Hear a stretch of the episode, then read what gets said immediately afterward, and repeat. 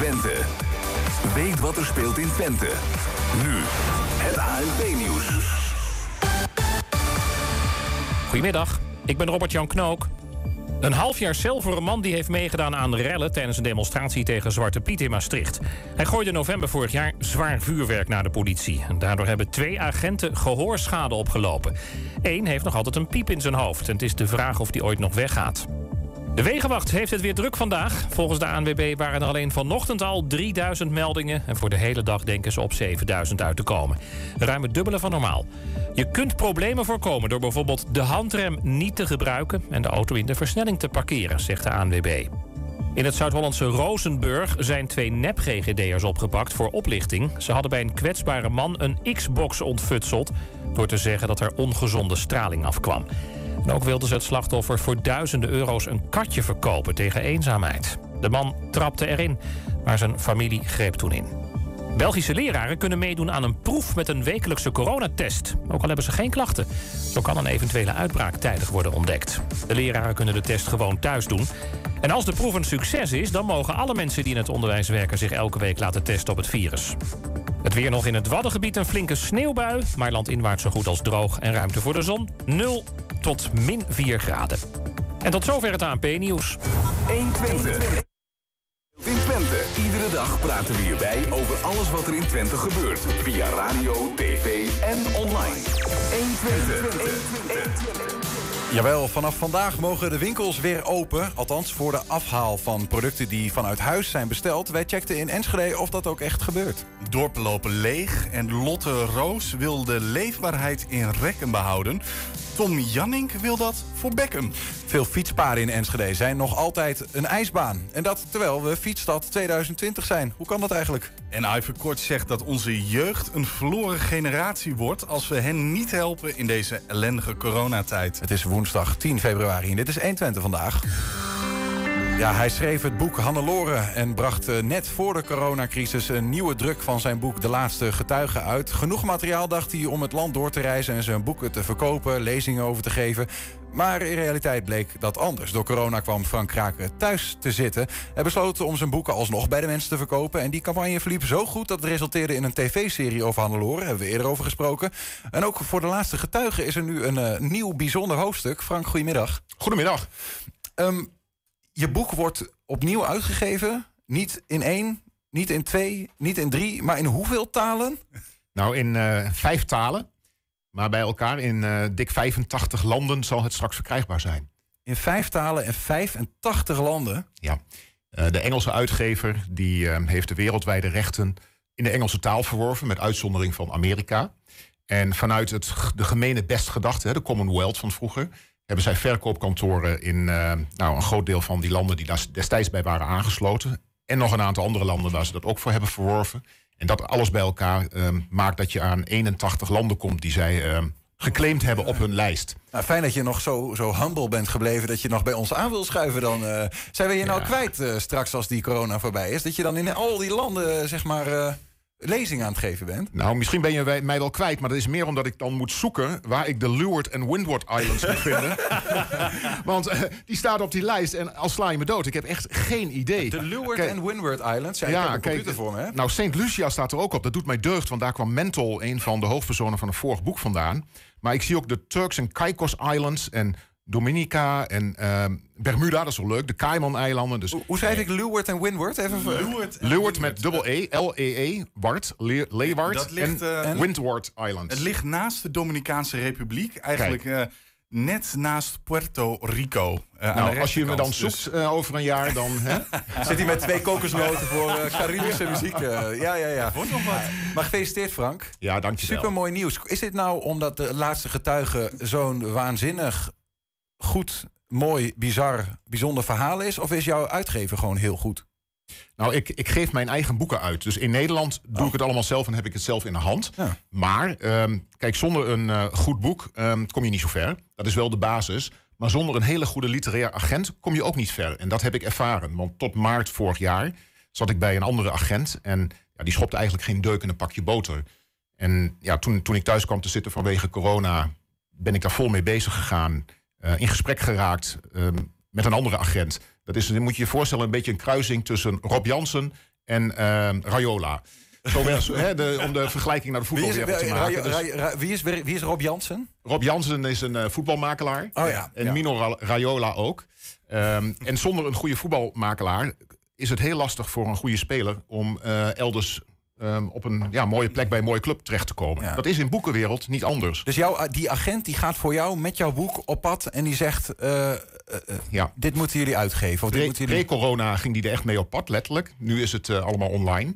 Maar die heeft zijn contacten, die kent iedereen in de wereld. Die eh, weet de mensen te interesseren. En het is Naar wie gaat hij dan toe? Hoe werkt dat dan? Naar wie naar gaat hij? buitenlandse uitgevers. En Nou. bij die buitenlandse uitgevers, daar zitten weer ehm, mensen die beslissen daarover. Eh, en eh, ja, die, eh, die kijken dan van, past dit binnen onze portefeuille? Zo moet je het eigenlijk zien. Is dit in ons portfolio van boeken die we volgend jaar gaan uitgeven?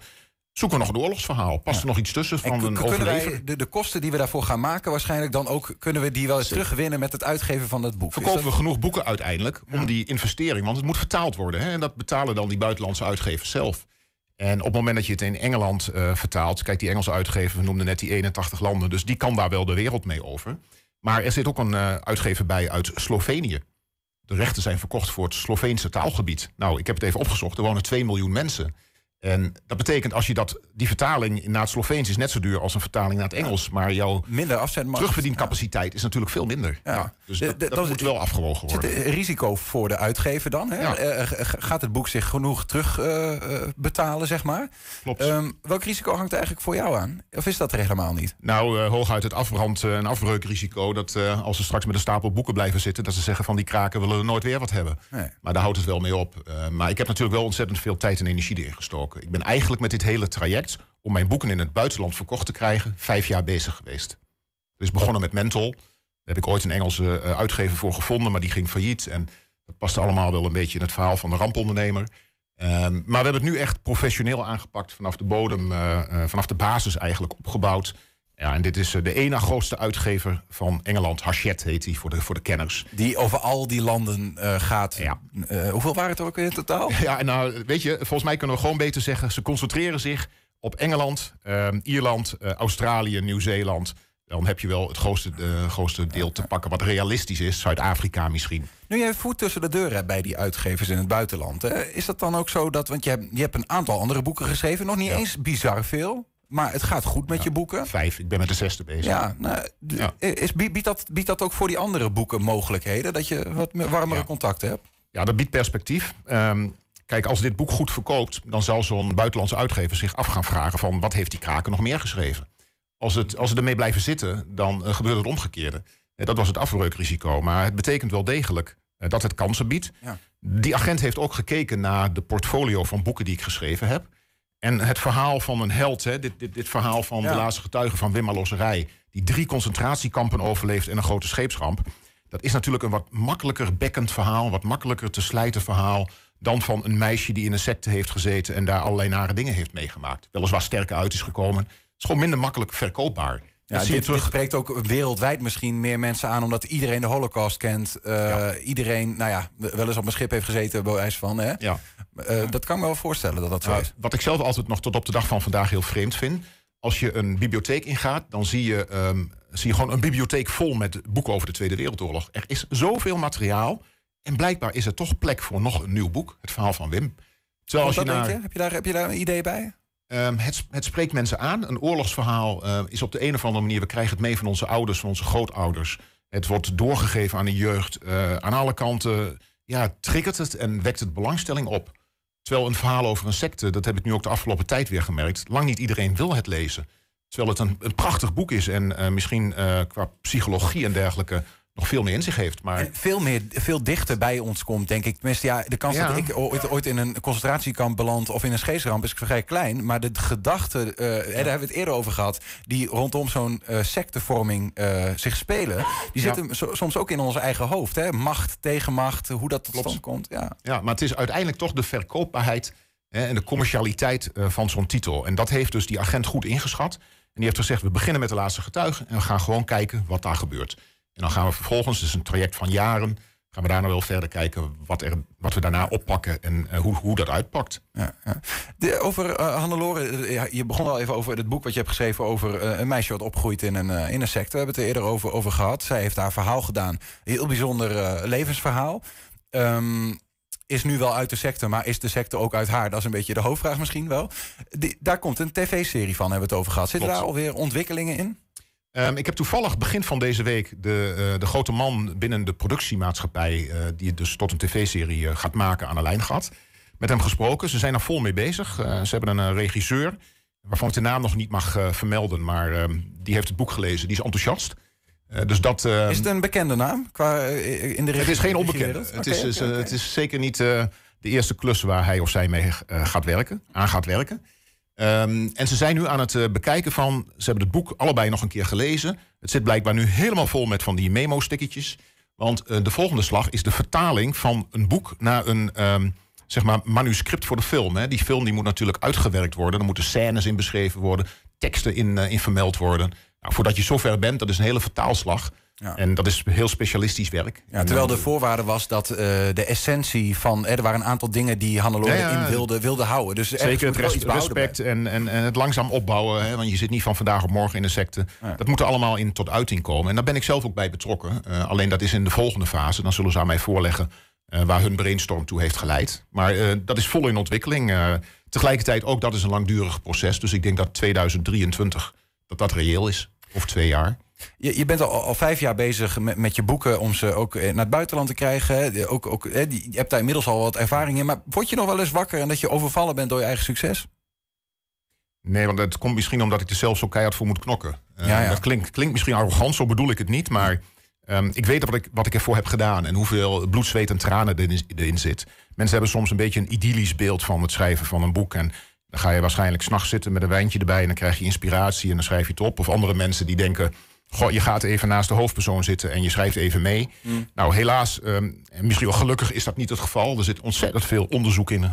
Ik ben nu met een nieuw boek bezig. Daar heb ik straks twee jaar research in zitten... voordat ik überhaupt kan beginnen met schrijven. Dat gaat met Hannelore, niet anders. Heb je van de sluier? Uh, het gaat weer over de Tweede Wereldoorlog. Okay. Dat is uh, een heel bijzonder onderwerp. Maar goed, uh, dat betekent er, er zit zoveel al achter de schermen... Eh, wat er gebeurd is en zoveel research in... en zoveel moeite om uiteindelijk het onder de aandacht te krijgen... bij de juiste buitenlandse uitgevers... dat als het dan een keer lukt, is het natuurlijk, uh, ga je dwars door het plafond. Maar uh, tegelijkertijd, het komt niet aanwaaien. Nee, nee, en um, ja, het is misschien wel uh, het gevolg van. het laat zien, ehm, hard werken loont. Toch, tot slot dan Frank, die, die vraag. Die, als je boek in zoveel landen straks wordt uitgebracht, dan gaan mogelijk die uitgevers ook vragen: hey, kun je voor ons helpen om het spul te verkopen? Dus om, is het een realistische gedachte dat je over een jaar, twee jaar vooral in het buitenland zit? Nou, sterker nog, de Engelse uitgever heeft dat eh, contractueel afgedwongen... dat ik beschikbaar ben voor promotionele activiteiten. Dan hebben ze één voordeel. Ik vind dat leuk om te doen. Ik doe het met heel veel plezier. En ja, dat zie nou, ik ook, ja. ja. maar wat is er nou mooi als je een boek hebt geschreven... waar zoveel energie dan in zit... En het wordt in het buitenland uitgebracht en je mag daar naartoe. En je mag erover vertellen aan een publiek. Ja, hoe is jouw Engels dan? Of jouw, uh, jouw winwords en uh, ja, nog nou, wat De een zegt dat ik Twengels spreek. En uh, een ander zegt dat ik een heel naar Amerikaans accent in mijn Engels heb. Dat komt omdat ik ooit in een jeugdkamp in New York State... met kinderen uit de Bronx heb gewerkt. toen ik nog heel jong was. En dat, dat heeft het een beetje beïnvloed. maar goed, we, we, het gaat ook naar Italië en naar Frankrijk. En mijn Italiaans is nul. Uh, mijn Frans is heel matig. Dus dat zijn uitdagingen om over Hongarije en Slovenië maar niet te spreken. Dus ja. dat zal toch wel in het Engels gaan. En we gaan zien wat er, wat er op me afkomt. het is vooral ontzettend leuk om te doen en fantastisch om mee te maken. Good luck. Dankjewel. Frank Craig. Frank Raken was dat. Zometeen hier twee dorpsbewoners en uh, liefhebbers over uh, het probleem van het leegloop in hun dorpen. En de plannen om het dorpsleven daar te behouden. Ja, ze zijn geen liefhebber van dat probleem. Nee, dat zijn ze helemaal niet. Nee, ze zijn liefhebbers van het dorpsleven. Ze willen ja. dat graag zo houden. Uh, we gaan eerst kijken naar niet-essentiële winkels. Die mochten namelijk vandaag weer open. Althans, ja, open voor afhaal. Hè. En dat met de sneeuw. We checkten of er een stormloop was in Enschede. Heeft u al klanten gehad vandaag? Uh, we hebben vanmorgen inderdaad een telefonische bestelling gekregen... en die wordt vanmiddag opgehaald, klopt. Okay. Zijn er ook veel mensen of is het echt aan maar eentje nu? Uh, nou, er zijn wel mensen die vragen hebben over hoe werkt het precies... en um, uh, kan het nu al en nou ja, dat soort vragen. Maar we hebben nog niet zo heel veel mensen die het ook werkelijk doen. Maar goed, het is natuurlijk pas de eerste dag. Dus dat moet allemaal nog een beetje ingeregeld worden, denk ik, hè? Vandaag? Uh, nee, het is slecht weer. De wegen zijn nog een beetje slecht begaan. Maar in Enschede, het centrum is nog wel een beetje glad. Dus uh, nee, we hebben nog niemand gehad vandaag. We, we, we doen ook uh, bezorgen met de fiets of auto. Of lopen ze door de binnenstad. De, de hele lockdown al. en dat heb ik vanochtend gedaan. Dus ik ben net terug. nu de volgende bestellingen klaarmaken. En of hier ophalen of met de post. En hoe promoten jullie het dan eigenlijk? Want ja... Ja, nou, het is inderdaad best wel lastig. Iedereen heeft natuurlijk een Facebookpagina. En um, ja, dat woud is zo groot. Hè? Hoe vinden mensen je? Dus wij hebben natuurlijk ook een Facebookpagina van onze eigen winkel, hè, van Zinkschoenen Enschede. En zo hebben al onze Zinksfilialen een eigen Facebookpagina. Dus op die manier proberen we filmpjes te maken. En uh, nou ja, door dat te liken en te delen, krijg je meer bekendheid. En we hebben dat natuurlijk ook staan op, um, op onze uh, gewone uh, webshop, zeg maar. Dan gaan we live op Facebook, op Insta. En dan zet ik op de stories zet ik alle fotootjes op. De prijzen erbij. Ze kunnen me appen, ze kunnen me bellen, ze kunnen op internet bestellen, uh, ze kunnen privéberichtjes sturen. Dus het is heel veel. Nou, en dan komt het allemaal binnen, gaan we het verpakken en dan stuur ik betaalverzoekjes uh, of mensen geven contant geld aan de deur en dan gaan wij dus het bezorgen of het gaat op de post, hè, want het gaat toch wel door heel Nederland. Dus uh, zo een beetje. Nou, en dan hebben we dat gedaan en dan beginnen we met het volgende filmpje en dat doen we een beetje de hele dag. Maar hoe plannen jullie dan werknemers in? Hoe, uh, hoe ziet de taakverdeling eruit? Is het minder? Ja, we hebben wel wat minder. Maar goed, we proberen wel met uh, personeel uh, dat ze wel wat uh, dingen gaan doen. We gaan dingen in de winkel omhangen. ja, we hebben wel wat te doen. ja, we, ja, we plannen mensen hoofdzakelijk op de normale, de, de vaste tijden in. dat ze ook werken. En soms schuiven we het op. Dan, dan, komt het niet uit binnen het gezin waar ze... of ze dan een andere dag kunnen werken. En dan schuiven we het op. ja, daar gaan we nu wel wat soepeler mee om natuurlijk. Verdien je nou eigenlijk nog wel genoeg? Of is het eigenlijk gewoon beter om die winkels dicht te houden? Omdat nou nu dus niet zoveel pick-up... Uh... Ja, elke euro, zeg ik al, is de eentje. Dus uh, ja, we moeten het proberen met z'n allen uh, ja, geld voor, te verdienen. En, ja. ja, de winkel moet open zo snel mogelijk. dit, is, dit is voor alle ondernemers niet vol te houden. Dus. En natuurlijk heb je steun van de overheid.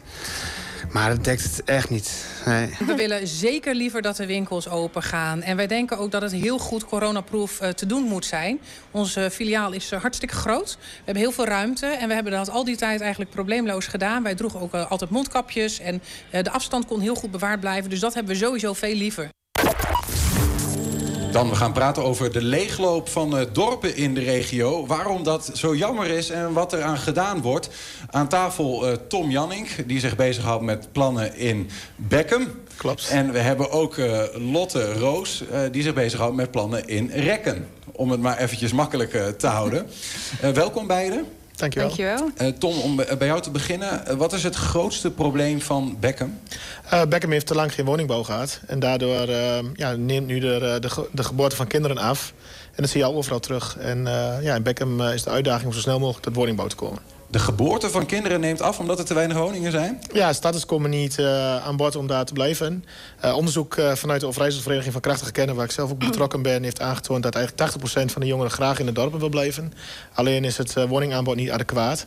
En dat zie je ook in Beckham. Eigenlijk veel te weinig woningen voor, uh, voor de doelgroepen. En, uh, en daardoor trekken mensen weg naar elders. Grootste probleem, te weinig woningen voor de Klopt. starters. Ja. Lotte, in, in Rekken, wat is daar uh, aan de hand? wij hebben daar eigenlijk gezamenlijk met het dorp drie uitdagingen opgehaald. woningbouw, eigenlijk hetzelfde verhaal wat Tom net uitlegt over Beckham... is ook in, in Rekken gaande. Geen starterswoningen, maar ook geen doorstroomwoningen... waardoor senioren zeg maar, een nieuw plekje gaan zoeken. Um, en daarnaast hebben wij uitdagingen rondom accommodaties. We hebben nu 17 plekken waar activiteiten plaatsvinden... waar overal vrijwilligers voor aan het werk moeten zijn. Dat kan veel efficiënter door meer te gaan samenwerken. En wij zijn bezig met een nou ja, accommodatieplan... waarbij we een drie scenario hebben. Twee kerken en centrale ontmoeting op een, een sportpark, zeg maar. Om dat te gaan realiseren. En daarnaast willen we meer samenwerking organiseren... tussen verenigingen, maar ook partijen als de kerken... en nou ja, noem allerlei andere stichtingen. Mm -hmm. Dus, dus, dus ook woningbouw hè, voor starters... Ja. Waar, waar het in, in Beckham ook over gaat... ontmoetingsmogelijkheden voor, voor jong en oud tegen behouden en opnieuw maken. Ja. En ook ehm, eigenlijk het, eh, het samen, laten samenwerken tussen verenigingen. Ja. Eigenlijk, eh, eigenlijk is dat een kopie van Beckham. Want eh, je vroeg mij naar het meest urgente probleem. Maar die andere twee komen daar in Beckham ook achteraan. Dus ook daar zijn de accommodaties eh, verouderd. En moeten nagedacht worden over efficiënter gebruik. Kerk komt leeg. En daarnaast ook de samenwerking eh, tussen inwoners. Maar ook tussen verenigingen in, eh, in Beckham is een, eh, een hot item. Ja, nou, we hebben wat, wat beelden vanuit, vanuit Beckham. Maar misschien worden die ook... Als die, eh, dat dorp dan zeg maar leegloopt en er zijn geen, geen nieuwe woningen... Is er, is er ook een probleem met de aantrekkelijkheid van een, van een dorp überhaupt? Waarom is Beckham, waarom moet het blijven bestaan eigenlijk? Ja, het, is, het is een, eh, een, een mooi dorp met heel veel historie, een hechte gemeenschap. Nou, kijk, de beelden, een prachtig eh, kerkgebouw in het midden. Eh, dus het, het dorp heeft eigenlijk alles in zich om een leefbaar dorp te zijn. Alleen, eh ja, het is wel zaak om woningen toe te voegen... om dat ook voor de termijn te bewaren, de lange termijn te bewaren. Ja. Even voor de goede orde. Jij, jij woont zelf niet in Beckham, maar hebt er wel een goede geschiedenis mee, hè? Ja, ik ben, ben wel in de parochie Beckham geboren, Bentelo, en daar ga ik ook weer naartoe. Eh, dus in die zin eh, nou, gaat Beckham mij ook aan het hart. En eh, nou, mag ik daarover meer denken over het accommodatieproces. Dat is mijn rol eigenlijk in Beckham. En daarnaast ja, wat faciliteren in het opzetten van een nieuw dorpsraad... en dat soort Ja, ja. activiteiten. Ja. Ehm, eh, je hebt een, wel een achtergrond met... Je hebt, een- je hebt een eigen bedrijf, wat is het, Anno Nu? Ja. Waarmee je wel... Je bent wel een dorpsexpert of zo. Dorpsontwikkeling-expert, geloof ik, hè? Ja, Wat we zijn, eh, precies? we zijn daar best wel ingegroeid. Eigenlijk ligt mijn oorsprong in een hele andere kant. Ja. En vanuit ehm, mijn werk ben ik toen gevraagd door de Overijsselvereniging voor Krachtige Kernen, heet het intussen. Om meer te denken eh, van nou wil jij ook niet eens ehm, een vrijwilligersbestuur in de provincie helpen bij de vraagstukken waar zij mee worstelen. Ik ben zelf jaren voorzitter geweest van de Pol in Bentelo. En vanuit daar dezelfde ervaring op gedaan. Hebben we hele mooie dingen kunnen doen in die jaren. En van daaruit kwam ook die vraag. En eh, dat heb ik nu een aantal jaren gedaan. En eh, eigenlijk ben ik steeds vaker gevraagd van... wil je ons daar niet wat intensiever begeleiden, Mhm. helpen en faciliteren bij het proces. En eh, nou ja, daar is Anno nu rondomheen ontstaan en, en groeien wij ook. We werken nu met vier mensen aan dit soort vraagstukken. Ja. In Beckham zijn er zo'n eh 90 jongeren tussen de 18 en 35 ongeveer... die hebben aangegeven, ik wil wel in Beckham wonen... maar ja, waar dan, zeg maar? Ehm, de- er is ook een plan om eh, 15 tot 17 woningen te realiseren, geloof ik, hè? Ja, er ligt nu een eerste fase op de plank. Uh, ik zeg ook met nadruk een eerste fase, want 17 woningen is een heel mooi begin. Maar bij lange na niet genoeg om de hele behoefte erin te vullen. Ja. Een mooi uh, tekenend voorbeeld is het aantal leerlingen op school... Die in het verleden op 160 zat. Mhm. Nu nog 95 en over een aantal jaren 45 is de prognose. Dus dat zegt, zegt iets over nou ja, de, de, de functie onderwijs in het dorp... maar daarnaast ook de doorstroming van kinderen naar verenigingen. En dus de uitdagingen waar zij voor staan. Uh, dus uh, die woningen zijn heel snel nodig. Ja. Die 17 is een, uh, eigenlijk een, ja, zijn dat, is dat het laaghangend fruit. En moeten we snel zien naar de ja, gang Hoe te komt dat eigenlijk dat dat, dat, dat nou zo, zo in de jaren ver, misschien wel wat verloederd of vergeten is? Want eh, jullie vallen onder gemeente Hengelo. Ja. Uh, is, hebben die dan steken laten vallen? Er is blijkbaar wel vraag, maar er is nu helemaal geen Nee. aanbod van woningen. Ik denk dat het aan twee kanten zit. Uh, nou, de, de, de, het bundelen van de krachten in Beckham is niet altijd goed gelukt. Maar daarnaast ook zeker de, ja, het faciliteren vanuit de gemeente daarin. Mhm. Uh, de gemeente heeft daar ook in een rol. Ik woon zelf dus in, uh, in Bentelo, gemeentehof van Twente. En je ziet daar dat de, het gemeentebestuur ook actief uh, bezig is... om ook voor de langere termijn woningbouwprojecten vlot te trekken. En dat zou je ook verwachten van een gemeente als Hengelo. En die zijn daar nu heel goed mee bezig, moet ik eerlijk zeggen. Faciliteren het enorm. Uh, maar ja, in het verleden is dat niet altijd zo geweest. Nee, en nu, nu, nu pakt Beckham wat ook zelf eigenlijk bij, uh, bij, de, Ja. bij de Kuif. En we gaan zelf maar kijken hoe we woningen regelen. Ja, kan dat zomaar eigenlijk? Of? Nou ja, je kunt natuurlijk alles zelf. Uh, maar je moet Ja, ook nee, het moet wel mogen natuurlijk, hè? Ja, mogen en kunnen. Kijk, je kunt niet van een dorp verwachten dat ze er uh, spelen worden in de, uh, in de markt. En zelf een, een heel woningbouwprogramma gaan vlot trekken met grondaankooprisico's, alles van dien. Nee. Dus dan blijft het nog steeds nodig dat de gemeente faciliteert daarin. En, uh, nou, en die, dat spoor is nu gevonden. Eigenlijk heeft Beckham de krachten gebundeld een burgerinitiatief gestart. Van we gaan samen die woningen bouwen. En intussen is de gemeente in die trein gestapt om, om dat goed te faciliteren. Lotte, in, in Rekken hebben jullie een, eenzelfde soort van woningnoodprobleem. Hè? Ja. Te weinig woningen, maar er is wel vraag, maar er zijn geen woningen. Ja. En er is nu een dorpscoöperatie Rekken Ja. uh, opgezet om dat te gaan regelen. Wat, wat, wat doet die, die, die, die, die coöperatie? Nou, de dorpscoöperatie is in brede zin ingericht voor de leefbaarheid van rekken. Nou, de uitdaging heb je net gehoord. Eh, daar willen we als dorpscoöperatie mee aan de slag.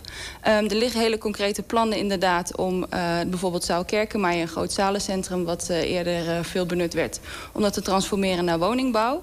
En ehm, door een dorpscoöperatie op te richten kunnen we de mogelijkheid creëren om daar zelf regie in te voeren. En die ontwikkelende partij zeg Maar maar, dat lijkt me zijn. Nogal, daar moet je toch wel ook een beetje verstand van zaken hebben. Als je woningen gaat realiseren en wat dan ook. Ja, kan, in Enschede heb je projectontwikkelaars en woningcoöperaties. Eh, Kun je dat dan zomaar als dorpscoöperatie fixen? Eh, nou, zomaar fixen, dat zal het zeker niet zijn. Daar, zit, eh, daar zit tijd en, en, en kennis en kunde hebben we daarvoor nodig. Dat hebben wij niet allemaal zelf in pacht. Wij, we laten ons ook ondersteunen door de Leefbaarheidsalliantie vanuit Gelderland. En we zijn met de provincie en gemeente natuurlijk in gesprek... van hoe kunnen we dit goed gefaciliteerd krijgen. En die denken daar heel proactief in mee. En we krijgen daar ook, of tenminste, we zijn bezig om daar ook middelen voor te organiseren. eh, middels de Dorpendeal. Dat is een, binnen het leefbaarheidsprogramma van de provincie Gelderland is het mogelijk om een dorpendeal te maken. Dat is een deal tussen provincie, gemeente en eh, het dorp zelf, zeg maar. Waarin we gezamenlijk verantwoordelijkheid nemen voor bepaalde doelen. En dat betekent En ook geld middelen- vanuit eh, ja, de vanuit provincie? die drie partijen. Ja. Ja. Dus vanuit ons eh, net zo goed als vanuit de gemeente en de provincie. En daarmee willen we onder andere dit plan mogelijk maken. Maar willen we ook hè, haalbaarheidsonderzoeken naar dat gedragen plan voor, voor accommodaties. Hoe gaan we dat inrichten in de nieuwe vorm? eh, Daarvoor benutten. Want als jij een soort van eh, elevator pitch zou moeten houden voor, voor rekken... waarom is het zo belangrijk dat zo'n dorp eh, behouden blijft? Nou ja, ik zit de hele tijd een kopie te maken van de- wat ook Tom zegt. Ja. Van, nou, Herhaling Rekken- is de beste leermeester. Precies, eh, Rekken is ook een heel aantrekkelijk dorp. Hè. We hebben een prachtige bloemencorso, hele mooie natuurlijke omgeving... die ook voor toerisme aantrekkelijk is. Eh, nou, grote saamhorigheid, een rijk verenigingsleven op dit moment. Want ja, dat is straks over leeglopen. Nou, ik voel nog niet totale leeglopen in Rekken. Het is Eh, nog niet zo ver. Het is nog niet zo ver. Eh, En eh, nou, we willen voorkomen dat de tij zich keert, zeg maar... en dat het echt die kant uit gaat. Over die verenigingen gesproken trouwens. ehm, die dorpscoöperatie, die speelt daar ook een rol. Hè? Om een soort van... Ja, eigenlijk, ik heb begrepen, er zijn verschillende verenigingen... en de dorpscoöperatie vo- vormt eigenlijk een soort van Uber-bestuur boven die verenigingen. Nou, dat, zo zou je het eh, kunnen gaan inkleden, inderdaad. Eh, we hebben daar natuurlijk, voordat we de dorpscoöperatie oprichten... met verenigingen over gesproken. Eh, want door middels een dorpscoöperatie kun je bepaalde taken verenigen. Hè. Bijvoorbeeld een gezamenlijke ledenadministratie, gezamenlijk penningmeesterschap. Bepaalde taken waar nu elke club zijn eigen vrijwilliger voor moet regelen... of betaalde kracht voor moet regelen, kunnen we dan bundelen. Met als doel om het voor verenigingen wat draaglijker te maken... om vereniging te zijn? Of om... Bijvoorbeeld, maar ook, eh, we, hoeven dan ook niet meer zes keer Sinterklaas te organiseren bijvoorbeeld. Of eh, tien keer een play- playback show. Laten we dat met z'n allen samen doen. Om die ontmoeting tussen jong en oud ook eh, mooi te faciliteren. Is dat nieuw eigenlijk, zo'n concept van zo'n dorpscoöperatie? Ik, ik ken het niet, maar ik ben nog geen dorpsbewoner. Nee, het is, eh, het is niet uniek. In 2013 is de eerste dorpscoöperatie opgericht in, eh, in Emmen. En er zijn nu hier en daar wat meer dorpscoöperaties ook wel. Soms wel met een echt ander doel. In Friesland hebben ze bijvoorbeeld zelf windmolens als dorp aangekocht... om de winst van eh, d- nou, de, die energieopwekking in het dorp te houden... in plaats van een externe partij die met geld wegloopt. Ehm, en anderen hebben het inderdaad voor vastgoedtransformatie. hè. Het café eh, van carnaval in Brabant hebben ze willen behouden. Zorg, hoor je wel eens. Zorg hoor je ook. Ja, klopt. Dus eh, nou ja, herbestemming kerken komt ook regelmatig aan de orde. Ja, ja precies. Ja, nou, dat is nog wel even een, een mooi bruggetje naar, naar, naar Beckham dan, eh, dan weer. Eh, jullie zi- je hebt ook een, een accommodatie, eh, nou ja, uitdaging. Ja. Hè, we, we zitten met een, een kerk, een school, een progiehoes, een, een sporthal. En die zijn eigenlijk te groot voor, de, dorp geworden. Begrijp ik dat goed? Ehm, sommige gebouwen misschien wat te groot, met name de school dus op dit moment. eh, maar daarnaast ook verouderd. Het um, is eigenlijk het soort dorpshuis eh, voor Beckham. En eh, daar zitten de meeste verenigingen en hebben daar ook onderdak. En ehm, de kerk exporteert het eigenlijk, of exporteert de dat. En die zeiden van ja, dat is niet onze core business, dus wij trekken onze handen ervan af. En dat is voor Beckham ook een beetje de steen in de vijver geweest... om na te gaan denken van ja, wat nu? We kunnen nu, nu na gaan denken over de toekomst van het. Maar hoe gaat het dan met de kerk en de school en het Geertman, het sportgebouw? dus daar... ehm, Kun je daar niet woningen in realiseren? In al die, eh, die voor een deel kan dat zeker. Ja, en dat, dat wordt ook de uitdaging om te kijken van... als je dus komt tot het samenvoegen van functies... hoe ga je om met locaties die vrijvallen? Schoollocatie, ja, er staat een oud gebouw op... eh, die verder ook niet heel veel karakteristieken heeft. Dus je zou kunnen overwegen om dat eraf te doen... en daar woningen te bouwen. Progio is een heel mooi karakteristiek pand... waarvan de me- meeste Beckhams zeggen... ja, kunnen we dat aangezicht behouden? Misschien mooi om eh, appartementen eh, in te maken... voor status of voor ouderen. En op die manier kun je wel de doelen aan elkaar verknopen. En ik vind het heel mooi, want we zeiden nou van... laten we eens een keer met Beckham een busje gaan naar Rekken... om te kijken hoe dat met de coöperatie gaat. Want Ja. we zijn ook in Bekken bezig om te kijken... naar hoe kan die dorpsraad weer wat nieuw eh Ja, elan wat, wat eh, doet die krijgen. dorpsraad dan? Is dat een beetje eenzelfde vergelijkbare... Ja, eh, ja eigenlijk wel. Eh, wat- in Beckham eh, eh, eh, geweest is, is een dorpsplan. Er is een heel mooi eh, plan opgesteld, met inwoners samen eh, ingevuld... van waar willen we in de toekomst naartoe. En wat je zag is dat daar eh, de focus heel lang op heeft gelegen. Er is een stuurgroep geformeerd, werkgroepen daaronder... die bezig zijn gegaan met, de, eh, met de uitdagingen... en met de, de uitdaging van toen, zeg maar. En eh, ondertussen eh, is die dorpsraad wat meer aan de zijlijn komen te staan. En eh, is, is de, eigenlijk de Beckham, Beckhamse vertegenwoordiging is wat eh, weggezakt. En nu hebben we gezegd van dat moet toch echt wel meer eh, kracht en elan eh, krijgen. Mhm. Dus we moeten na gaan denken over een, eh, een nieuwe toekomst voor de dorpsraad. Hoe hou je dat echt Beckhams, dat mensen zich daar ook door vertegenwoordigd Heb je voelen. daar een idee bij? Ik bedoel, je bent eh, hè, even de is- expert dorpsontwikkeling. Hoe Ja. krijg je ook- Coöperatie. Ja, ook- ja. Ja, ja, nou ja, dat is wel... eh, kijk, hoe we dat gaan doen... eh, toevallig hebben we vanavond de eerste bijeenkomst... met een eh, aantal enthousiaste mensen die zich hebben gemeld... om daarover meer te denken. En eh, er zijn er drie uitdagingen voor. De eerste korte termijn is dan die woningbouw eh, met stip op één... maar ook de, de invulling van de dorpsraad en de structuur en de werkwijze. Nou, en misschien is zo'n dorpscoöperatie daar een heel mooi voorbeeld voor. Dus ik zei al, eh, we gaan een keer een busje naar Rekken... en kijken hoe ze dat daar doen. We kunnen alleen maar leren van elkaar. En, en daarnaast het omgevingsplan.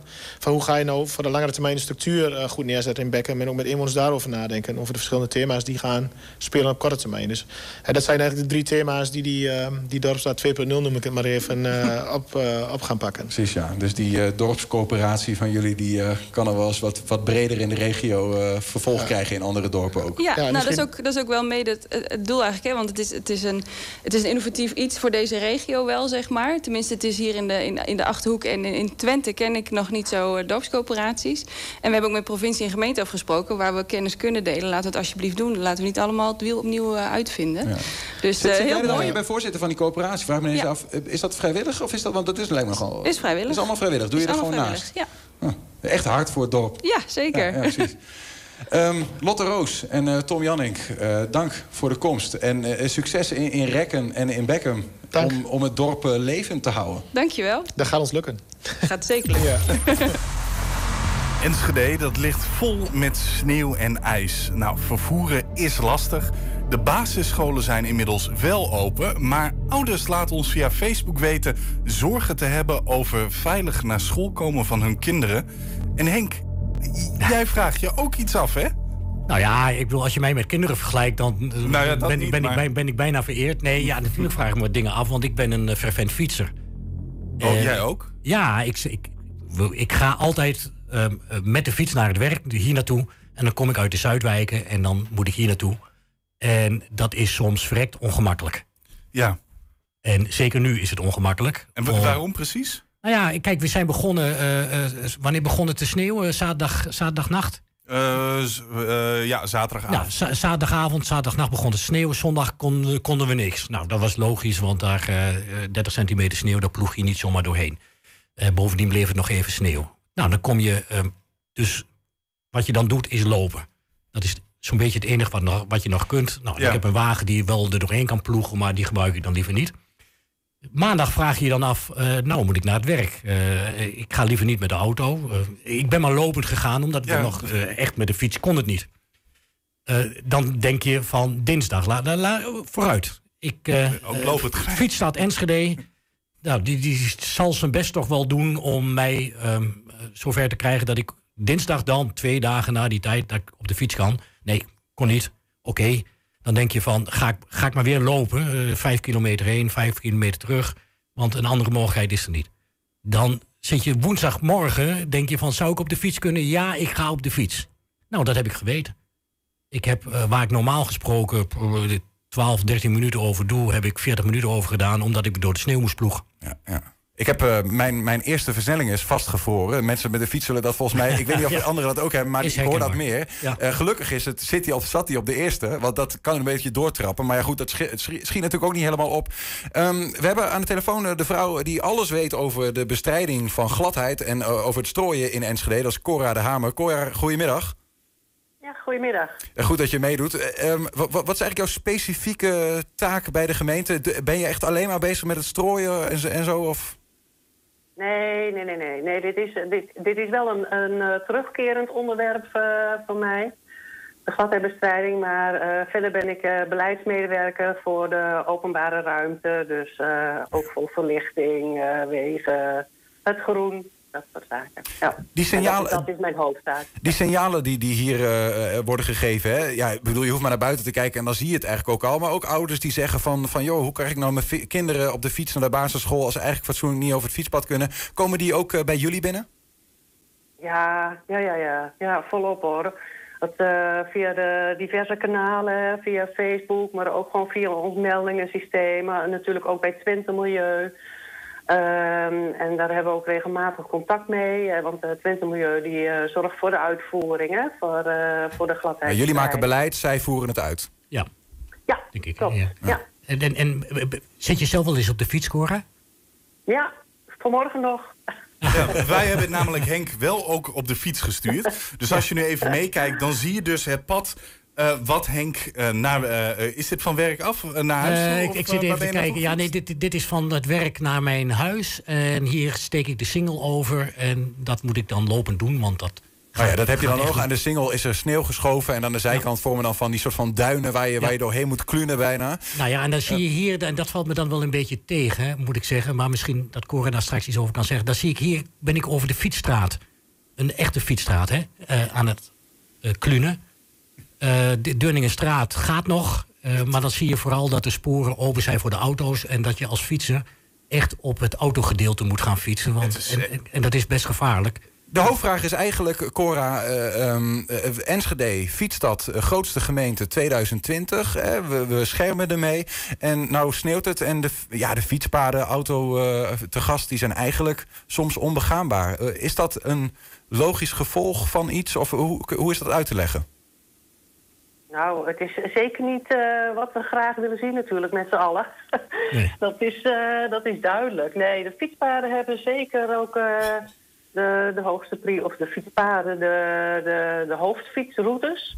En de fietsstraten, die hebben een hoge prioriteit binnen het strooibeleid. Dat klopt. Oké, dus wacht even, we hebben een strooibeleid en daarin zijn prioriteiten aangegeven van dit moet eerst, dan moet dat, dan moet zus, dan moet zo. Zo werkt dat. Nou, ehm, in, eh, in principe wordt, worden, worden alle wegen en straten eh, tegelijkertijd gestrooid. Hè? Dat, eh, volgens de meest gangbare routes voor de strooiers.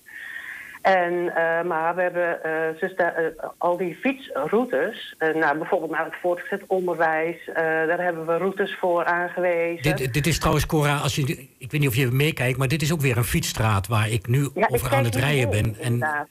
Ja, Nee, maar goed, eh, eh, Cora, je vertelt, je hebt eh, een soort van prioritering van waar er gestrooid wordt. En daar, daarin Ja. zijn bijvoorbeeld de straten die veel gebruikt worden al op weg naar voortgezet onderwijs, naar scholen. Ja. Belangrijke aders, daar wordt eh, prioriteit aan gegeven. Begrijp ik dat goed? Ja, klopt. Klopt helemaal. Ja. En, Ja, maar dan, dan, eh, dan is de constatering vanuit ons... is eh, we zien een, een single waarbij de autoweg is ehm, eh, min of meer begaanbaar... maar veel fietsstraten en ook fietspaden zijn dat nog niet. Dat, dan, dan creëer je toch onveilige situaties voor de fietsen? Nou, dat is zeker niet de bedoeling, maar dat is, het is inderdaad, zoals je in het begin zei, het is een gevolg van de extreme sneeuwval en de wind. Ehm, daardoor is er, eh hadden het Twente Milieu gewoon heel veel moeite om de sneeuw van de wegen af te krijgen. En ehm, omdat het maar bleef sneeuwen en omdat het ook hele, hele lage temperatuur was, eh, en dan werkt het zout gewoon eh, minder goed. En je moet eerst de, de sneeuw eraf schuiven. En eh, eh, achter, eh, achter, achter de trekker of de vrachtwagen hangt natuurlijk de strooier. En dan Mhm. wordt gelijk gestrooid. Zodat ehm, daarna door het verkeer het zout ook ingereden kan worden door de restsneeuw. Zodat het kan eh, ontdooien. Dat hebben we Nou, begrepen en ook daar van- zijn ze van- natuurlijk vol, vol, ja, vol, volop eh, mee aan de gang gegaan.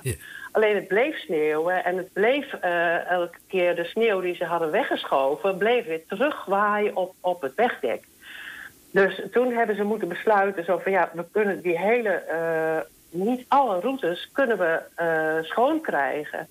Dus toen hebben ze besloten om, of is besloten om alleen de hoofdwegen inderdaad te doen. Ehm, en vooral ook de wegen die gebruikt worden door de hulpdienst. Ja, en, en- maar wat blijft er dan over voor de fietsers? Dan blijft er inderdaad voor de fietsers zeer weinig over. Ja, klopt. Is dat iets waar je dan lessen uittrekt als beleidsadviseur? Dat je zegt, oké, eh, stel dat er ehm, weer een, een, een, een code rood op gang is... misschien moeten we nog meer eh Twente-milieu opschalen. Nou, het Twente Milieu is opgeschaald.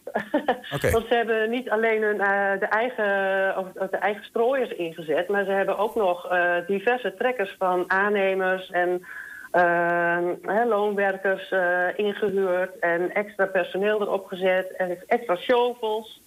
Dus ze hebben echt, echt met mannenmacht... En, en zoals je weet hebben ze ook de... De afval konden ze natuurlijk ook niet meer eh, ophalen. Dus die chauffeurs die zeiden, die konden ook allemaal worden ingezet. En, en dat hebben ze dus 24 uur per dag, gewoon dag en nacht. Met z'n allen hebben ze eh, continu eh, zijn ze bezig geweest. Dus het is niet zo dat ze dachten van, ah, die fietsers, dat... dat Nee, komt nee, nee, dat, dat- dat geloof ik ook hoor. Nee, dat, dat is gewoon absoluut niet, niet het geval. Ze hebben gewoon echt met mannen maar geprobeerd om in ieder geval de hoofdwegen... eh, Nee, dat, dat, dat is ook gelukt hoor. Want vanmiddag, vanmiddag Ja. kon ik over de hoofdweg. En Wat alleen zo bijzonder is, is dat ik als fietser eh, echt gevaar loop. Als ik ook bijvoorbeeld nu over de singles ga. Vanmiddag over de, over de singles ging. En dan zie ik dat Ja. de, de fiets. ehm, eh, stroken. waar- Fietssuggestiestrook? ja, Die, die, die, die is weg. Die is er niet. Daar, daar ligt Nee, sneeuw. Nee, daar ligt sneeuw op. Ja, Ja, en dus, dus moet ik als fietser over de hoofdweg. En dan heb ik auto's die mij de weg afsnijden. En, of ik snij hen de weg af. Ik weet niet precies hoe ik dat moet bekijken. En, en, en dat levert dus echt gevaarlijke situatie op. En dan denk ik, als je je voorstaat als fietsstad van, eh, van Nederland... ehm, is het dan niet zo... Kijk, een auto heeft vier wielen en ik heb er maar twee en ik slip weg. Een auto slipt iets minder makkelijk weg. Is het dan niet moet je dan niet meer prioriteit geven juist aan die fietssuggestiestroken of aan de fietspaden? Dat je zegt, nou die maak ik nu het eerst vrij, want dat is minst gevaarlijk. En bovendien zijn we fietsstad, dus dat doen we gewoon. Het is ook trouwens een mooie kans om de mensen uit de auto te krijgen dan, toch? ja, maar dat, dat vind ik een beetje zijn doel voorbij schieten, eerlijk gezegd. Want het gaat natuurlijk vooral om dat, ehm, dat die calamiteitendiensten dat die overal kunnen komen. Hè, dat, dat de ambulances eh, goed op weg kunnen, dat de bussen weer kunnen gaan rijden. Zodat als je dan niet met de fiets kan, dat je dan in ieder geval de bus kan nemen. Nou, dat, dat was ook al een hele Ja, ja. opgave. Dus daar zijn, ze, daar zijn ze vervolgens eh, heel hard mee aan de slag gegaan. En hebben ze ook samen met, eh met Twents hebben ze daar overleg over gevoerd en proef gereden. Om te kijken of het allemaal, eh, of, die ook, ook de- en- om die ook maar weer zo snel mogelijk eh, op gang eh, te helpen. Laten we, laten we tot slot ja. pro- proberen om... Want we begrijpen, hè, het, het is ook een lastige situatie... en je, Ja. je moet wel een soort van man met zes handen zijn... om alles voor elkaar te krijgen in zo'n korte tijd. Maar het, het, het sneeuwt nu op dit moment niet. Nou, stel dat het niet meer gaat sneeuwen... hebben we een soort van vo- blik van... kunnen we iets zeggen wanneer we de fietspaden in Enschede... zo goed als begaanbaar gaan zijn? Nou, dat kan ik nu niet zeggen, inderdaad. Eh, het, het probleem is namelijk ook, want wat er al gezegd is, hè, er, er ligt sneeuw. De sneeuw is geschoven ook deels op die fietssuggestiestroken. En eh, ja, die, die, die kan je niet zomaar wegscheppen of ergens anders heen schuiven. Dat proberen ze wel, hè, door het aan het eind van de straat op een, eh, in de berm te schuiven. Ja. Maar dat, dat, dat, dat is nog een hele klus. Staan de auto's weer eh, op, het, op de parkeervak? Staan de auto's weer ingesneeuwd inderdaad op dit moment? Die staan weer ingesneeuwd en die schuiven ook de sneeuw van hun eigen auto af. En die rijden natuurlijk ook uit de parkeerplaats over de fietsstrook eh, de weg op. Het is allemaal heel logisch, maar... Ja, dus, dus we moeten gewoon niet, we, moeten gewoon niet gaan fietsen. eenvoudig. We moeten gewoon niet gaan fietsen. Nou, dat zou ik... eh, dat, dat weet ik niet, maar ik... ik- dat, dat, is, dat is natuurlijk ook het, het doel niet.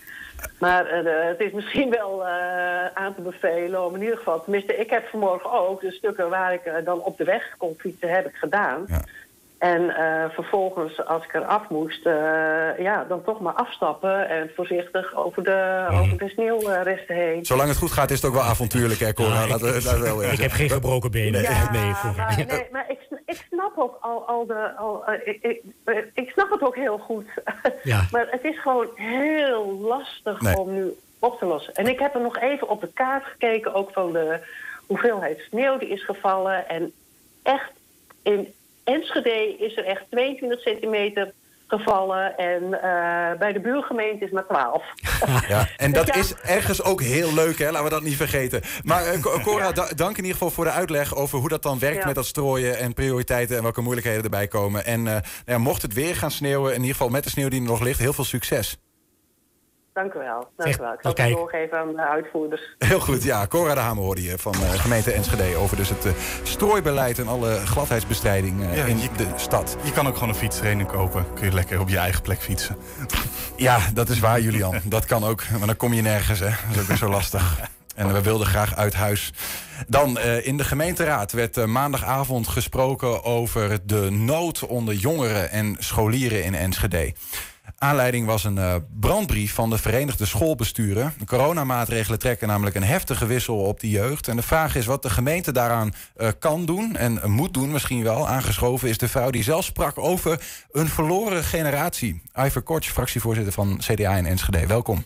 Ja, dankjewel. Nou, we hebben het nog niet over verloren generatie, maar als we zo doorgaan, krijgen we inderdaad verloren generatie. Ja, dat was hem. Hè. Als we zo doorgaan, kan dat wel. Dat zijn wel grote woorden. Is dat eh, de soep die superheet wordt opgediend? Of denk je echt dat dit zover kan komen?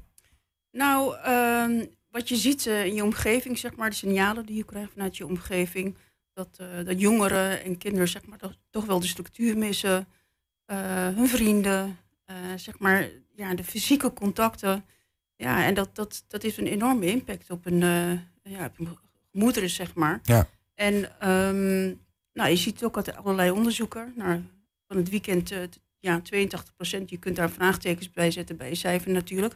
Maar het is wel een richting die aanwijst. dat het gewoon niet 82% van de jongeren die op de rand van een burn-out zit. Bedoel je die cijfers? Ja. ja. En, nou, Is dat ook ik- zo in Enschede dan? Of, of kun je dat dan aannemen? Nou, of het zo hoog is, weet ik niet. Maar je, kunt- je kunt wel. eh, ik heb, ik heb eh, gisteren ook nog eh, een directeur van de ROC gesproken. En die gaf ook aan. Ja, we krijgen gewoon nieuwe signalen dat het met een aantal jongeren gewoon niet goed gaat. Ja. En dat moet niet echt niet langer duren.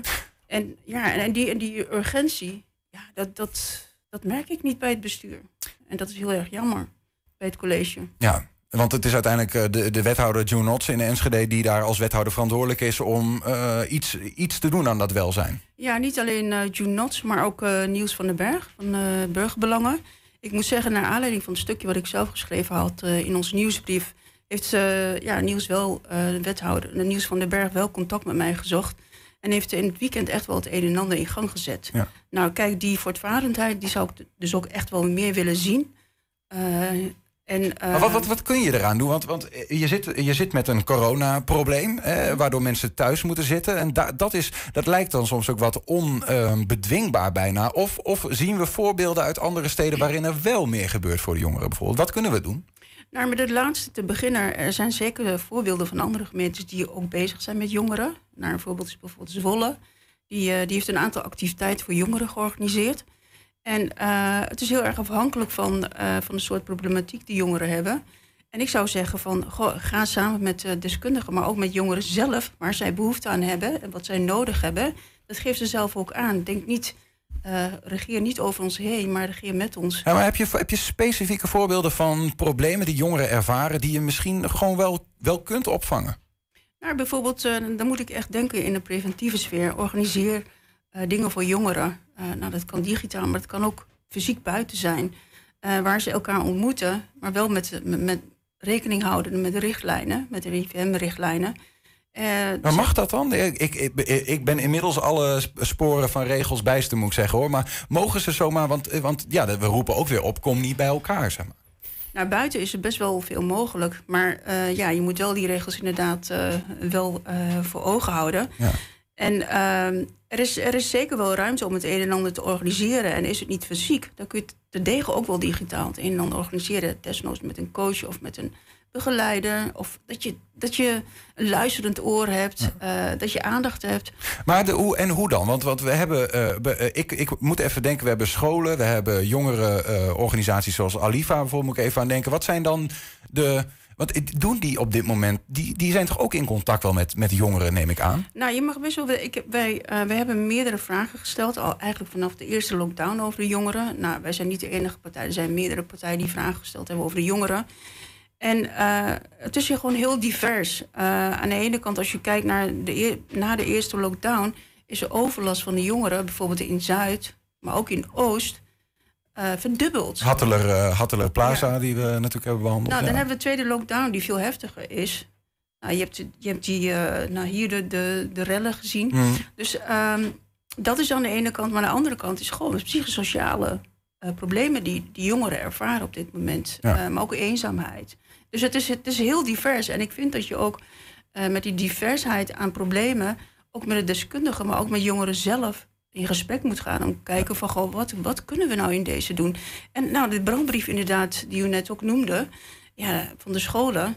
Ja, die noemen ook een rits van, van, uh, van problemen die ze op dit moment hebben. En wat, ik een, wat ik heel vreemd vind, want de wethouder heeft vorige week met al die scholen gesproken. En er was niks aan de hand, zei ze maandagavond. En vervolgens komt er een brandbrief. Dus ik heb geprobeerd om een van de ja, directeuren toch te pak te krijgen om te spreken van, goh, wat, hoe kan dat nou? Mm -hmm. Dat dat niet vorige week naar boven is gekomen. En, ja. en nu... En nu stuurt Eerst is er niks aan de hand en daarna is er een brandbrief ja. waaruit zou blijken het gaat heel slecht. Ja, en dat is continu wat we te horen krijgen van, ja. uh, van, uh, van, een aantal collegeleden. Want er is niks aan de hand. En daar was ik afgelopen maandag ook best wel boos over. Ja. Want, want wat, wat ja, wilt u het niet horen? Of vraagt u wel genoeg door? Of voelt u de urgentie niet? Ja, terwijl ik denk van, nou, als wij, als wij inderdaad nu op dit moment de jongeren geen aandacht hebben voor hun problemen, dan is het over een tijdje worden de problemen enorm groot en dan kunnen we het straks niet aan. En dreigen we ook een verloren generatie te krijgen. Hoe, hoe, kom je als, als uh, gemeente? Ja, ik heb daar niet, niet zo heel goed beeld bij welke rol de gemeente en ook de wethouder dan bijvoorbeeld heeft in dit verhaal. Hoe kom je dan uiteindelijk bij die jongeren? Welke, welke, welke um, instrumenten heeft een, een, wethouder om dit probleem wat te kantelen, om wat, wat tegemoet te komen? Nou, je kan. Uh, nou, kijk, we hebben natuurlijk uh, vanuit jeugdzorg no uh, kunnen we het nodige doen. We kunnen vanuit het onderwijs het nodige doen. We kunnen vanuit cultuur het nodige doen. Maar we kunnen ook vanuit sporttaal kunnen we ook doen. En daarnaast hebben wij ook vanuit het Rijk hebben wij zo ongeveer zes ton gekregen. Uh, in het kader van corona. Om ook, dat wederopbloeifonds? Nee, dat of is, niet? Dat of dit is weer iets anders? Dat Sorry. is echt iets anders okay. vanuit het Rijk. Ja. Waarin we in het kader van corona ook om aandacht te vragen van de jongeren. Om nodig te doen voor problemen van de jongeren is er gewoon nog geld. Dus het ja. geld is ook niet het probleem. Ja. Maar zorg ervoor, dus die daadkracht, wat bijvoorbeeld ook uh, ja, van het weekend bijvoorbeeld uh, uh, wethouder Nies van den Berg liet zien. Dat zou ik veel meer zien bij het college. Kom op, er is een crisis. We moeten aan de slag. Pak de regie. En dat mis ik gewoon. Ja. Het is, het, is, het is urgent. We, zien, we horen de cijfers in ieder geval, als we de cijfers mogen geloven. Ik vond 80% van de jongeren op de rand van een burn-out um, uh, ja, bijna ongeloofwaardig uh, erg. Um, dat betekent dat er ook uh, urgentie zit in dit verhaal. Wat, uh, willen, wat, wat willen jullie als raad? Want je, je noemde het al even, hè? CDA heeft er uh, vragen over gesteld, maar in, in jullie kielzog ook uh, ChristenUnie, um, VVD, VVD, VVD ja. bijna de hele bijna, raad. Ja, ja.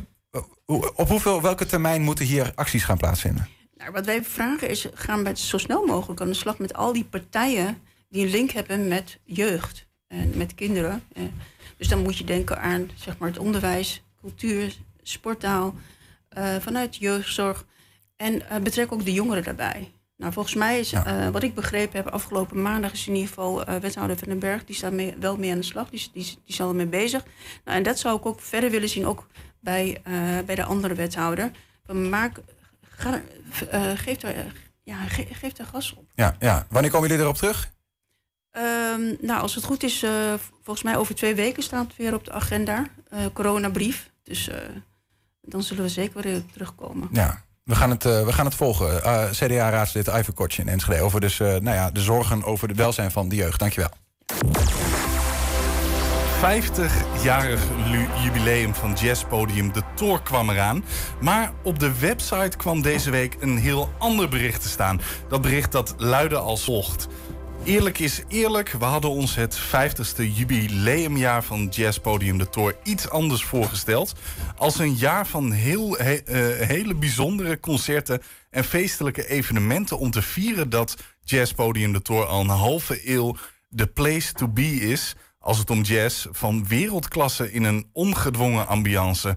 De plannen lagen klaar, de afspraken waren gemaakt en toen kwam corona. Maar uit het veld geslagen waren ze niet. Ze besloten het jubileumjaar te verplaatsen naar 1 september. Mocht alles dan weer mogen. Hoe het er precies uit gaat zien, dat eh, kunnen we misschien wel het best vragen aan Wilton Jongmans van eh, Jazzpodium eh, De Tor. Wilton, goedemiddag. Hallo. Ik heb mij laten vertellen dat jij een wandelende Jazzpodium De Tor encyclopedie bent. Nou, dat is niet helemaal waar. Maar, nou ja, we zijn toch eigenlijk best slagvaardig. Het eerste wat er gebeurd is, is dat wij vanwege de coronamaatregelen uit ons vertrouwde pand in de Walstraat gegaan zijn naar Mystiek Theater. Want hij was te klein. Nou, dan, dan, dan konden er uiteindelijk minder mensen binnen dan muzici. Ja, ja, Dus dat- dat- dat dat is leuk, maar dat speel je voor jezelf. Ja, Ja, precies. Dus we zitten nou bij een Mystiek Theater. Daar zijn wij geweldig goed ontvangen. Mhm. Alleen ook daar ging het weer mis. Er mochten dus eerst nog eh 70 mensen zijn. Oh, daar daar was altijd discussie over. Nou ja, eh, eh, uiteindelijk kon het helemaal niet meer. En eh, nou, in die situatie zitten we nu. En het plan wat we nu hebben is om eind februari voornamelijk voor onze vaste jaarkaarthouders. Dat is geweldig. We hebben echt een hele grote groep mensen die, die ik ook elke week zie. Een jaarkaart houden, dan, dan betekent dat je je- abonnementen hebt op de Tor? Ja, en dan kun je elke vrijdagavond live muziek. Ja, wat is er voor hen eind februari? Nou, dan gaan we proberen online wat te doen. En eh, nou ja, je moet dat per se doen. En het, het enige vervelende is natuurlijk, je kunt dan ook eh, kiezen voor de Scala in Milaan of voor New York of voor weet ik. Dus dat, dat is dan eh, wat moeilijker. Maar zodra het enigszins kan, gaan wij gewoon weer voorlopig dan daar, als er dus wat minder mensen in mogen. En eh, nou ja, we maken iedere keer nieuwe programma's. En de muzici die staan te trappelen. Ja, want die, die, die willen ook echt... Die willen ook de echt- Tor is wel echt even een, een naam waar zij aan bij willen dragen Precies. in die 50 als jaar. Je, hè? als je een keer wil zoeken op eh jazzpodiumtour.nl op onze website staan concerten die bij ons opgenomen zijn. Weliswaar wat langer geleden. In de pauze van die programma's worden de muzici wordt gevraagd: wat vinden jullie van de Tor? Nou, het is bijna gênant. Want het is echt één. Het, het Wat is de me- charme dan? nou, de charme is dat iedereen komt voor de muziek. Het heet ook vroeger, heel vroeger heette al die dingen jazzcafé, ook in andere steden. Maar hier komen, je kunt bier drinken, hè, eh, duvel en weet, allemaal geweldig. Alleen, soms is de muziek zo fantastisch dat het doodstil is. En iedereen sluipt op zijn tenen naar de bar om een biertje te halen. Hè? En, en eh, nou ja, wat ik zeg, elke vrijdagavond live muziek. En dat wordt in Nederland steeds moeilijker. Ja, ja. En dat komt alleen omdat er alleen maar vrijwilligers zijn. Die zetten de stoelen klaar, die staan achter de bar, die maken eh, het schone afloop en zo. En overal hebben ze een programmeur in vaste dienst en soms zelfs een kok en zo. Nou, dat kan natuurlijk niet. en bij ons, het enige geld wat er komt, gaat naar de muzici. Ik, ik ben er dus, eh, een van de laatste concerten die van Jazz Podium de Tour werd gegeven, ben ik toen live geweest. En dat is zo'n rare ervaring. eh, dat eh, op een gegeven moment was het volgens mij ook de jasjuffrouw die vroeg aan mij: Ja, wie bent u? Ik ken uw gezicht niet. Normaal ken ik iedereen die hier binnen is, maar ik ken u niet. U ziet er niet uit als een jazz. Ik, ik, ik was geen jazz. Nee, nee. nou ja, het leuke is ook dat we proberen een beetje een breed programma te hebben altijd. Dat, dat doet Ruud, oude hand bij ons. En dat gaat eigenlijk fantastisch. Ik zag bij toeval eergisteren of zo op eh, tv bij eh, Jazz TV, ja, Stingray Jazz heet het tegenwoordig, een, een heruitzending van een programma met José Koning. José Koning is een, een zangeres, ook geen 25 meer. Maar die had een paar Braziliaanse muzici bij om je vingers vanaf te likken. En ook aan haar vroegen ze, wat is dat nou bij de Tor? Waarom is dat? Kijk, het ziet er niet uit. Er staan pilaren in de weg, je kunt de helft niet zien. Eh, eh, eh, nou, het is verschrikkelijk. Weet je, de, de, maar zo ziet een jazzclub in New York er ook uit. Dat is ook een kelder waar je, nou ja, geen hand voor ogen kunt zien, bij wijze van spreken. Nou ja, en roken mag natuurlijk nou niet meer, dus dat is gelukkig trouwens. Maar het gaat dus om, Wilton begrijp ik, om de mensen die daar komen, die komen voor de muziek. en dat geldt niet alleen voor de muzikanten en ook voor. Maar echt, het zijn Precies. toeristen. Precies. En het En- zijn dan, dat is de reden dat alle grote mensen, ook uit het buitenland, maar, maar nou ja, wat in Nederland, Benjamin Herman en zo, Mhm. die komen onmiddellijk. Als wij zeggen van, oh, we hebben een geweldig probleem, maar wij moeten een concert hebben volgende week vrijdag en er is wat gebeurd. En dan kijk je in zijn agenda, ja, ik ben vrij, ik kom eraan. Over geld praten ze dan niet eens. Vooral Is het, is, het, is, is het te evenaren met een, met een online... eh, want jazz is ook zo'n stroming waarvan ik dan altijd wel begrijp... daar moet je eigenlijk... Ja, dat, dat is puur in zijn vorm. Hè. Dat, als je de, die, dat, is, dat is de basis van de muziek. Ja. Ik, is het niet een doodzonde om jazz via een beeldscherm te kijken? Eh, dat vind ik persoonlijk wel. Ja, ja. Maar dat heb ik ook met klassieke muziek. En dat heb ik ook met opera. En dat heb ik met een heleboel dingen. Er zijn, er zijn ook voordelen aan. Hè, als je dat een beetje goed regelt. Er zijn een paar handige cameramensen die mooie shotjes maken. Dat helpt. Hè, maar eh, eh, eh, het rare, dat is muziek in het algemeen. Dat gebeurt maar één keer. Elke klap van de slagwerker, die is volgende keer net iets anders. Hè, een solo als het... Dus het live is gewoon, daar Live moet het gebeuren. Ja, ja. En, en dat is het leuke bij ons. Elke vrijdagavond. Zoek ze maar in Nederland. dat kan helemaal niet meer. Maar ik, ik, ik begrijp wel uit het verhaal, zowel de muzikanten als de, eh, het publiek eh, is eigenlijk aan het snakken eh, naar jazz. Eh, en, eh, maar dat kan gewoon niet nu. En ook zelfs niet in het muziektheater mag het eigenlijk niet. Nou hebben jullie bedacht, we gaan vanaf september gaan we toch proberen om dat 50-jarig jubileum te vieren. Kun je in een notendop noemen, wat gaat er dan vanaf september gebeuren? Nou ja, ik zag toevallig hier beneden een programma liggen wat wij probeerden dit nu te doen. Maar nogmaals, we zijn flexibel, ongelooflijk bijna. Maar eh, ja, eh Corrie van Binsbergen die zou spelen, nu in het najaar. Dat is gecanceld vanwege corona. Die zit te wachten tot wij een datum roepen. Ja, ja, Nou, dat is een soort popgitaristen bijna. Maar je weet van tevoren, dan is de tent afgelaaid vol. Ja, dus het Nou. pro- probleem zit hem absoluut niet in de welwillendheid van iedereen. Je moet alleen Nee. wachten tot de trossen los kunnen. Precies. Maar eh, blijft de, de tor wel heel eigenlijk op het moment dat het weer kan? Nou, ik voel zoveel explosiviteit nu. Ja, nee, de, de, eh, eh, om een voorbeeld te geven, de big band van het Metropoolorkest, die, die zijn onbetaalbaar. Hè, dat zijn dus eh, gewoon Metropoolorkest, maar dan zonder strijkers. Hè. Die zijn twee keer in de toorwezen spelen. En dan kwam de manager, die kwam van tevoren kijken. Die zei, oh nee, dat, dat is geen sprake van, dat kan niet. De volgende dag kregen wij een telefoon van een paar van die muzici. En zei, ja, volgende week, we zijn er. zonder, met manager of zonder manager, we zijn er. En, en dan konden er bijna geen mensen meer bij. Eh, Want dat, dat is een vrij groot orkest, een big band. We hebben meer big bands eh, die bij ons spelen, daar zijn we heel blij mee. En dan kan er minder publiek bij. Ja, des te leuker is het om er wel bij te zijn. Ja, ja. Je moet echt niet te veel reclame maken dan ook, Wilton. Want dan, eh, Nou, dat, eh, weet je, het, is natuurlijk toch eh, het is een kleine wereld. Het is toch een kleine wereld. Net zo goed als kamermuziek een kleine wereld is. En, en nou ja, meer van die dingen. ja, weinig publiek, maar het publiek dat er is, Geweldig. is eh, in kwaliteit... Ja, en we hebben ge- gelukkig wel gewoon steun van de gemeente en, en eh, nou ja, dat soort dingen. Dus dat blijft goed gaan. Dat blijft wel goed gaan. Sterkte de komende tijd. Nou, dankjewel. maar jullie moeten komen luisteren af en toe. Nou ja, ik woon tegenover, eh, dat heb ik wel eens vaker gezegd, maar tegenover eh, de tor, gewoon de, de, de, de locatie zelf. Eh nou, de, de tegenover en dan bovenin. eh. Ja. En, eh, en ik, ik hoor het elke vrijdag. hè, dan komen soms de consortium eh, jongens en meiden, die komen weer langs. Of er is weer een, eh, Ja. een, of er is een tangoavond, dat kan ook nog. Maar, dat is op eh, woensdag altijd. Ja, maar het is, het is, ja, ik mag het misschien niet zeggen, maar het is geweldige achtergrondmuziek.